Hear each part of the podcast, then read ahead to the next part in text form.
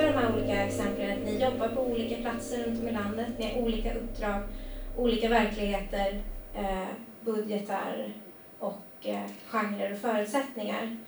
Um, och när jag lyssnar på er så ser jag också att när man samarbetar så utgår man från det som påverkar blir lokala, nationella, vad är det för publik, vad är, vad är nytt för en själv som kanske inte är nytt för någon annan, men vad uppstår där som är spännande eller som skapar friktion. Och med er samlade kunskap, om ni skulle kunna få dela med er av den potentialen som just ni har på era områden, när det kommer till att skapa samarbeten, vad skulle ni vilja dela med er av som ett en, vad är er liksom, nyckel för att kunna initiera de här typen av processerna på era, på era platser, i era rum? Helena? Jag kan bara eh, säga vad jag tycker är otroligt viktigt. Det är så långa, nära samarbeten. Jag tänker liksom att det är, det är viktigt att hitta några parter som man har pågående samtal med. Jag, jag, jag kan tänka, jag, men jag tycker att det är jätteviktigt de projekten som blir, men jag tycker också att själva samtalen med någon annan part som inte är inom det området man själv är, är jätteviktigt. Att det också att det är så otroligt lätt att bli blind för men vad ser det ut? Liksom samma frågor i andra perspektiv. Jag, kan ju, jag har ju en, en tendensgrupp kan man kalla det, som träffas varannan månad som är då parter från helt andra platser. Handelshögskolan, Konsthögskolan, spoken word, näringsliv, teater, eh, ja, radio, samhällsredaktionen där. Som pratar, så lyfter vi liksom olika frågor. Det eh, kan vara allt från eh, eh ledarskap i eh, kulturvärlden, det kan vara slarv det kan vara ehm, ja, egentligen vad som helst. Det är inte, de mötena är inte till för att jag ska hitta format för min verksamhet. Det är som en pöl där vi alla ska kunna använda oss av de här samtalen på olika sätt. Och jag tycker att det har varit otroligt bra för mig. För att jag tänker att samarbeten börjar ju med liksom någon analys ändå av en omvärld. Vad händer just nu? Vad talar man om i media? Hur påverkar det oss? Hur påverkar det dig i näringslivet eller dig i, eh, på Handelshögskolan? Vad, är, vad, vad händer i det här som inte är specifikt för mig då teater? Där börjar ofta min liksom lust med att göra saker. Eh, och då tänker jag att det är väldigt viktigt med att hitta några parter som man har nära samarbete med. Jag tänker att det som är, är Sen kommer det alltid utmynna i saker som blir bra och viktiga istället för att börja i att... Det är det jag kan ibland känna att man är som på en, i ett, på en institution som är ett produktionshus på många sätt. Ett produktionshus för teater. Men att eh, för mig är liksom min, mitt uppdrag där är liksom någonting annat. Och då tror jag att jag måste hitta det samtalet många gånger någon annanstans och sen återvända till teatern med det. Där är liksom min lust Eller? Ja, um, ja eh, vilket fint svar. Um, jag tror mycket också på det här med, med lusten och då, då betyder det också, alltså för vår del i Vara så handlar det väldigt mycket om att det är vi som väljer vem artisten är som vi ska jobba tillsammans med.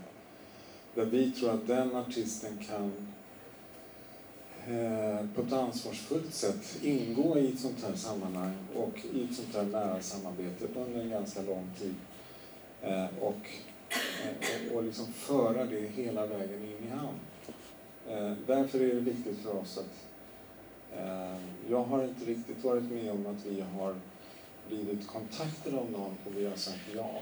Så att säga. I så fall så blir det en annan typ av dialog där man liksom måste lära känna varandra mycket mera för att kunna gå in i ett sådant samarbete.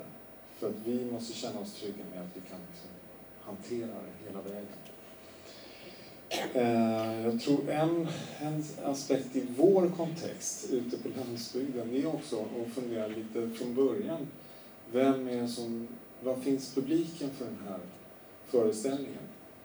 Och den kan ju vara på många platser, på mindre spelplatser ute i periferin så att säga. Men den kan också finnas för en något större publik då i våra konserthus men kanske ska ut på en turné utanför regionen. den sidan av, av ett residens tycker jag att man, liksom den har vi ofta med rätt tidigt. Och då kan det till exempel handla om, just som jag berättade om Emil Jensen, att, att han i sitt skrivprojekt besöker alla skolor och, och klasser i, i Vara för att på så sätt också lägga grunden för sin publik. Därför att han blir ju ett ansikte i Vara, i hela kommunen så att säga. Där han syns i lite olika mindre enkla sammanhang men, men de har en betydelse för fortsättning. Och sen så tror jag också det här med att man eh, alltså ser utmaningarna i ett sånt här projekt så tidigt som möjligt. Och att det finns en producent från vår sida som kan styra processen och som kan bes fatta besluten. Att ja, vi kan inte göra det här för det blir för dyrt, men vi kan göra det här. Alltså så att man inte behöver ägna tid åt att ha en en demokratisk diskussion om det utan att man kan ganska snabbt komma fram till ett beslut så att man kan föra processen framåt. Det tror jag också har en viss betydelse. Ja, det är ju ett ansvarsfullt och lustfullt sätt att använda resurserna som man har blivit tilldelat. Eh, I slutändan förhoppningsvis då utvecklingen av den konstformen som jag representerar här samarbeten. Konkret svar. um, är det någon som har en publikfråga? Uh, vi har fem minuter kvar. Anna?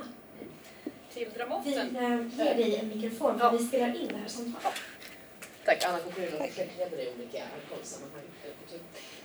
Till Dramaten, när ni går in och samarbetar till exempel Nobelstiftelsen eller Sveriges Radio, ja, vem, hur evaluerar ni ni har, du har sagt väldigt fint, your targets, eh, vilka mål, kriterier och vad ni ska åstadkomma. Gör ni det tillsammans med er motpart eller medpart? Eller vem, vem utvärderar vem? Och hur går det för att den här långsiktiga ska ge? Och vilka effekter då? Alltså just det fallet, då hade vi en, eh, en workshop i två delar som var ganska eh, som genomgående där vi hade bjudit in både från scenteknik och regissörer och från Nobel, från Nobel Media, från kommunikationsavdelningen. Där vi hade ett stort samtal om just vad vi ville med det samarbetet. Det är inte alltid vi är så duktiga att göra det, men i just det fallet så gjorde vi faktiskt det. Och då, nu har vi tagit fram ganska nyligen, nu har vi gjort eh, fyra föreställningar. Det är som en hel serie som kommer pågå i år framåt. Eh, och då tog vi fram en rapport eh, tillsammans också då med allt ifrån eh, vad har de medverkande tyckt, vad har eh, forskarna tyckt, vad har eh, här, eh, konstnärerna som vi har tillfört tyckt, men även medievärde, spridning digitalt, eh, eh, ja, all, alla möjliga aspekter av det. Sen fanns så många olika delar vad vi ville åstadkomma med det här. Så att just det fallet det finns det ganska eh, bra för att vi var så tydliga med att sätta mål från början. Och det är väl där att vara väldigt tydliga med vad man vill med samarbetet. För att annars hamnar man just där att man träffar någon och tycker att det var trevligt att göra ett samarbete. Då kan man aldrig utvärdera det sen. För då är det där, liksom den här allmänna godvilliga känslan från början, den går ju inte att utvärdera. Så att ju tydligare man är med det här från början, vad, vad är det vi vill åt? Sen kan det ju däremot dyka upp massor med saker under vägen som man säger att ja, men det egentligen hände någonting annat som var det som var viktigt. Men då får man ju lägga till det i den utvärderingen. Så just i det fallet var det ganska enkelt, annars ibland svårare. Jag gjorde för många, många år sedan ett samarbete med Bonniers konsthall som var en, en eh, eh det var en konstnär som hade skrivit en jättelång text som handlade om minnesteknik som skulle framföras som en skådespelare. Den gjordes både på Bonniers konsthall i deras vita rum, som är ett konstrum, och i en blackbox hos oss. Det var liksom en, en monolog, otroligt lång. Och det intressanta med det var egentligen inte vad det blev, utan vad man förstod sen efteråt var att de som kom och tittade på det här i en blackbox på en teater, de kommer att leta efter en dramaturgi De kommer liksom vänta på det där slutet som ska vara någon förklaring till det de just har hört och kommer läsa allting de ser utifrån det. Exakt samma sak när man då lyfter in den här vita boxen, konstrummet. Den publiken som kommer dit väntade sig få se ett performance som är vad det är i stunden, i tiden just där. Jag tänker att det, det, där har jag faktiskt burit med mig mycket sen att många saker, det behöver inte heller vara så konstigt. Det blir konstigt för att det är på en teater och det är jättebra. När jag sen tagit in hiphop eller spoken word eller vad det är. På Dramaten så blir det också någonting av det här.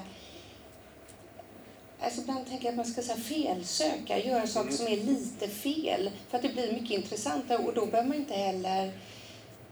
Det är mycket saker som ger sig själv i en sån här felmix på ett bra sätt som blir intressant just därför. Ja, jag bara kommer att tänka på det, att just i samarbeten, vad som uppstår som intressant. Fel på ett bra bli slutordet för den här spännande panelen och några av oss finns kvar här efteråt om ni vill fortsätta prata med oss. Jag är jättetacksam att ni ville delta i det här samtalet och önskar er en trevlig fortsatt biennal. Tack för att ni kom!